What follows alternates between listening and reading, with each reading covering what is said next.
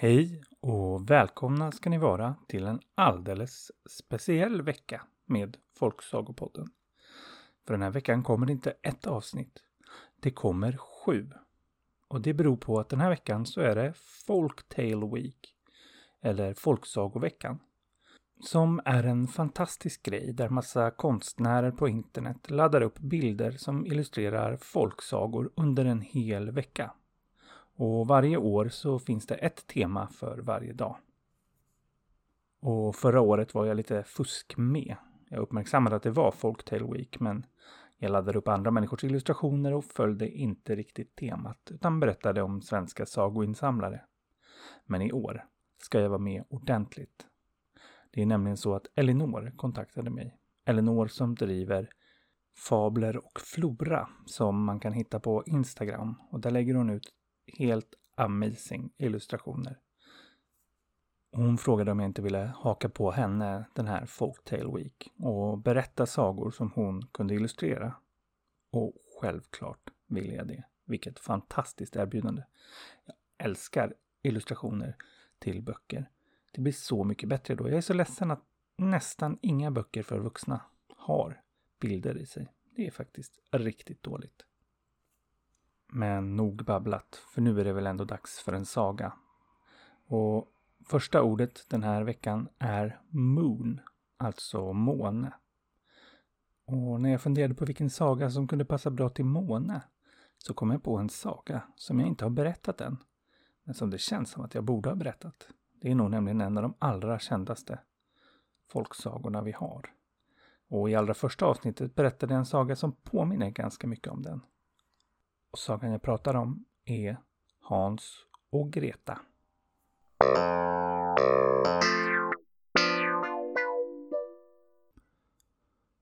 Det var en gång en kväll som kunde varit ganska mörk om det inte var för att månen lyste så ljust.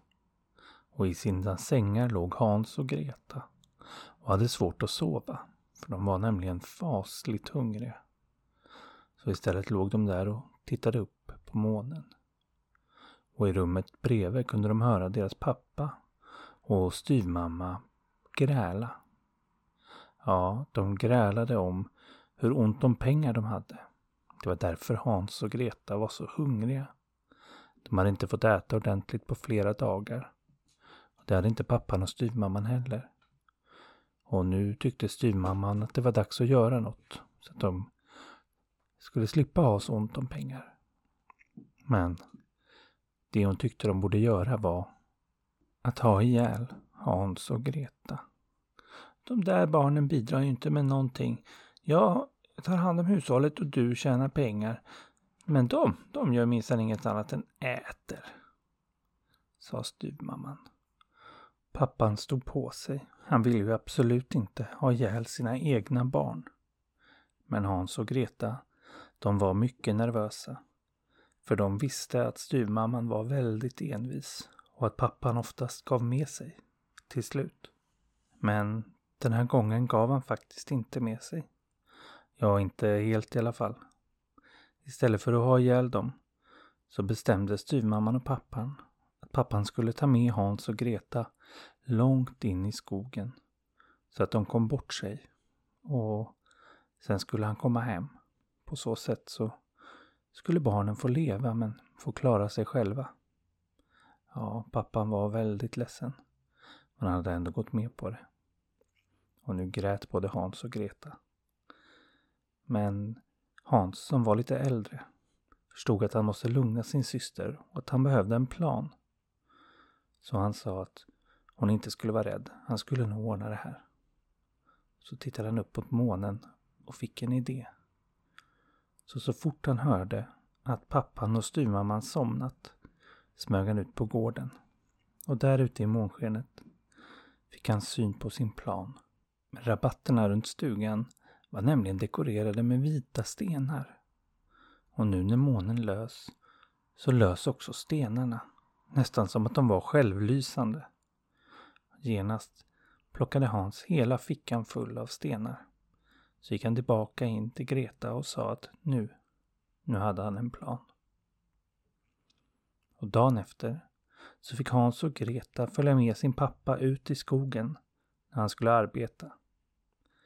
Det hade de gjort förut så egentligen var det inget konstigt. Men både Hans och Greta visste ju vad som väntade. Så hela dagen var de mycket ledsna. Och det var deras pappa också. Och när det började närma sig slutet på arbetsdagen, ja då grät han faktiskt hela tårar. När han ledde dem djupt in i skogen där han sa att han hade ett sista träd att hugga ner. Och när han kommit till ett ställe som han verkade tycka var tillräckligt långt bort så satte han ner dem och tände en brasa och sa till dem att sitta här och vänta medan han gick och högg ner det sista trädet. Och så försvann han. Och där blev Hans och Greta sittande. Och Greta hon började gråta förtvivlat. Men Hans han var lugnare och sa att de var tvungna att vänta tills det var natt. Sen skulle han leda dem hem igen. Fast Greta sa att det måste vara omöjligt. Så här djupt in i skogen hade de aldrig varit förut och ingen av dem var ju speciellt bra på att hitta. Men hon visste inte att Hans hade en hemlig plan. Så länge satt de där vid elden och hade det faktiskt ganska bra trots allt. Till slut så steg månen upp. Och då pekade Hans och sa Ser du de lysande stenarna? De ska vi följa, så kommer vi hem. Han hade ju nämligen lagt ut stenarna som han stoppat i fickan lite pö om pö hela dagen så att det skulle bli ett spår så de kunde hitta hem. Och det funkade utmärkt på den månklara natten. Det var en lång bit att gå, men till slut var de framme igen, smög in och la sig i sina sängar. Och ni kan inte tänka er hur glad pappan var morgonen efter när han upptäckte att de låg där och sov. Och ni kan inte heller tänka er hur sur styvmamman var. Men som tur var så gick affärerna lite bättre efter det och så hade de lite mer pengar och klarade sig ganska bra. Men ett tag därefter så blev det svårare igen. Och en natt låg Hans och Greta återigen vakna och hörde styvmamman tjata på deras pappa att nu, nu var han tvungen att göra sig av med barnen. Och till slut gav pappan faktiskt med sig. Och Greta grät igen och Hans, ja han blev ganska ledsen han också. För det var nämligen inte någon måne uppe den här kvällen. Bara en smal, smal liten strimma. Så att använda stenarna skulle inte fungera den här gången. Han funderade så det knakade. Tills han till slut kom på att han hade en brödbit sparad. Som han tänkt ha tills när han blev alldeles för hungrig och de hade alldeles för lite mat kvar. Så kom han på att han kunde använda den. Så han sa till Greta att hon kunde vara lugn. Han skulle nog ordna det den här gången också. Och så somnade de. Dagen efter fick de återigen förfölja med sin pappa ut i skogen. Återigen ledde han dem långt, långt in och satte dem vid en brasa innan han, tårögd, gick därifrån. Men den här gången väntade de inte in månen utan Hans sa att de var tvungna att gå när det fortfarande var ljust. Han hade nämligen lagt ut ett spår av brödsmulor hela vägen hem från den lilla brödbiten han sparat. Men han hade inte räknat med att det var inte bara han och Greta som var hungriga där ute i skogen. Utan också en massa fåglar som förstås hade ätit upp brödet lika fort som det landat på marken. Så det fanns inget brödspår att följa. Nu var de verkligen fast här ute, djupt inne i skogen. Vad skulle de göra? Ja, till slut kunde de inte bara sitta där längre utan började gå åt något håll. Och de gick längre och längre och blev hungrigare och tröttare. Och det kändes helt hopplöst. De kände inte igen sig någonstans och skogen verkade lika tjock överallt. Men så till slut fick de syn på en glänta. Och i gläntan stod det minsann en stuga. Ja, nu var de riktigt hungriga så det var verkligen i grevens tid. Kalla var de också. Hoppades det bodde någon där som var riktigt snäll. Men ju närmare de kom stugan ju mer såg de att det var något konstigt med den. Den var inte byggd av timmer eller sten. Den var byggd av godis. Ja. Taket verkade vara lagt med karameller och väggarna det var visst pepparkaka. Kunde det verkligen vara så? De smög sig riktigt nära och bröt av en bit av väggen och stoppade den i munnen och... Jo, det var visst kaka. Kom och smaka, ropade Greta som hade tagit den första tuggan. Hans var snabbt där och tog en tugga han också. Han var ju riktigt hungrig. Han hoppade upp och fick tag i en bit av karamelltaket och Greta började slicka på fönstren som visst var av rent socker. Och ytterdörren den var visst av choklad.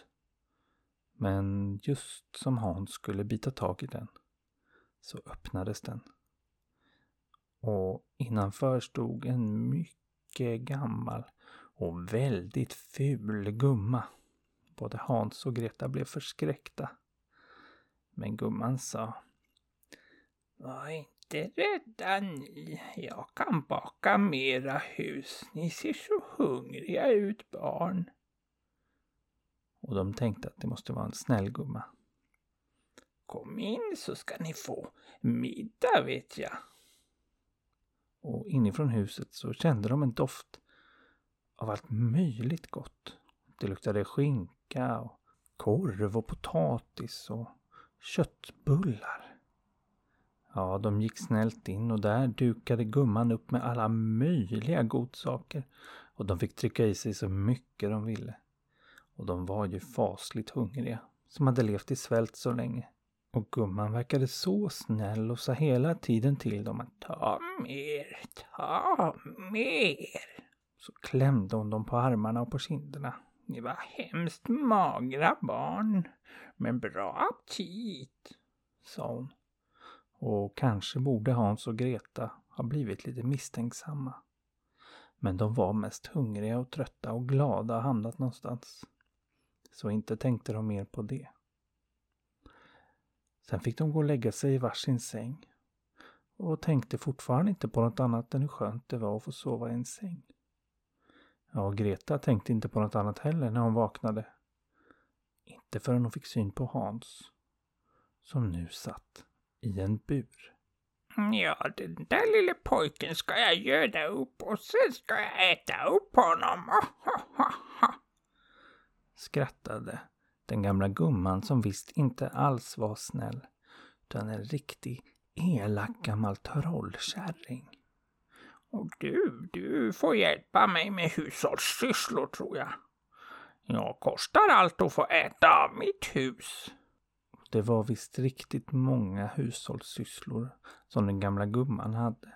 Det skulle sopas och borstas och tvättas och strykas och vikas. Men viktigast av allt, det var att laga mat som Hans kunde äta så han skulle bli tjock och rund och god. Och så gick det några veckor. Medan Hans satt i buren och Greta städade och fixade och lagade mat. Ja, och äta fick hon med förstås. Men allra mest fick Hans. En sak de hade märkt under de här veckorna, det var att den gamla, gamla gumman var väldigt, väldigt närsynt. Ja, hon såg nästan inget alls. Och det var himla tur. För nu hade hon bestämt att Hans nog hade ätit upp sig ordentligt. Så skulle hon känna om han hade blivit rund och god. Så hon bad honom sträcka ut en hand genom buren. Men som tur var, var Hans en klok gosse. Så istället stack han ut några kycklingben från en kyckling han hade fått till frukost. Och då kände ju den gamla gumman bara knotor. Så mager. Det var tocken till svältfödd unge. Du måste få äta upp dig ännu mer minsann. Men det var inte bara Hans som var en klok unge. Greta var ganska klipsk hon också. Så när hon fick höra att den gamla gumman tyckte Hans var alldeles för mager så föreslog hon att gumman skulle baka bröd som Hans kunde äta. Det älskade han och skulle säkert äta massor av. Och så satte de fyr i gummans stora bakugn. Och när det hade brunnit en bra stund så sa gumman åt Greta och känna efter om den var varm nog. Men det här var en del av Gretas plan och hon sa att hon inte alls förstod hon skulle känna om den var varm eller inte. Så stoppade hon in handen lite grann och sa att ja, det kanske är varmare än utanför, men varmt vet jag inte. Och då blev gumman irriterad och sa Du kommer jag aldrig känna om du inte känner efter ordentligt. Nu ska jag visa dumma unge. Och så lutade sig gumman djupt, djupt in i den stora ugnen. Här inne är det minsann varmt nog att baka bröd och grilla ungar också ska jag säga. Ropade gumman. Och om hon tänkte säga något mer efter det, det vet jag inte. För just då knuffade Greta in henne rätt in i ugnen, stängde luckan. Och där fick hon brinna, trollkärringen. Sen släppte hon lös Hans. Och så skulle de ge sig iväg. Men då kom de på något som de också lärt sig under de här veckorna. Nämligen att den gamla gumman var rik som ett troll. Fullt av guld och juveler hade hon. Så det plockade de på sig av. Så att de aldrig mer skulle ha problem med pengar. Och när de gav sig iväg, ja, då hittade de plötsligt väldigt lätt vägen hem igen. Och när de kom hem hittade de sin pappa, förstörd av sorg för att han hade lämnat bort sina barn. Och den där elaka styvmamman hade han slängt ut. Ni kan tänka er hur glad han blev av att se sina barn igen. Och efter den dagen levde de alla tre lyckliga och rika tillsammans.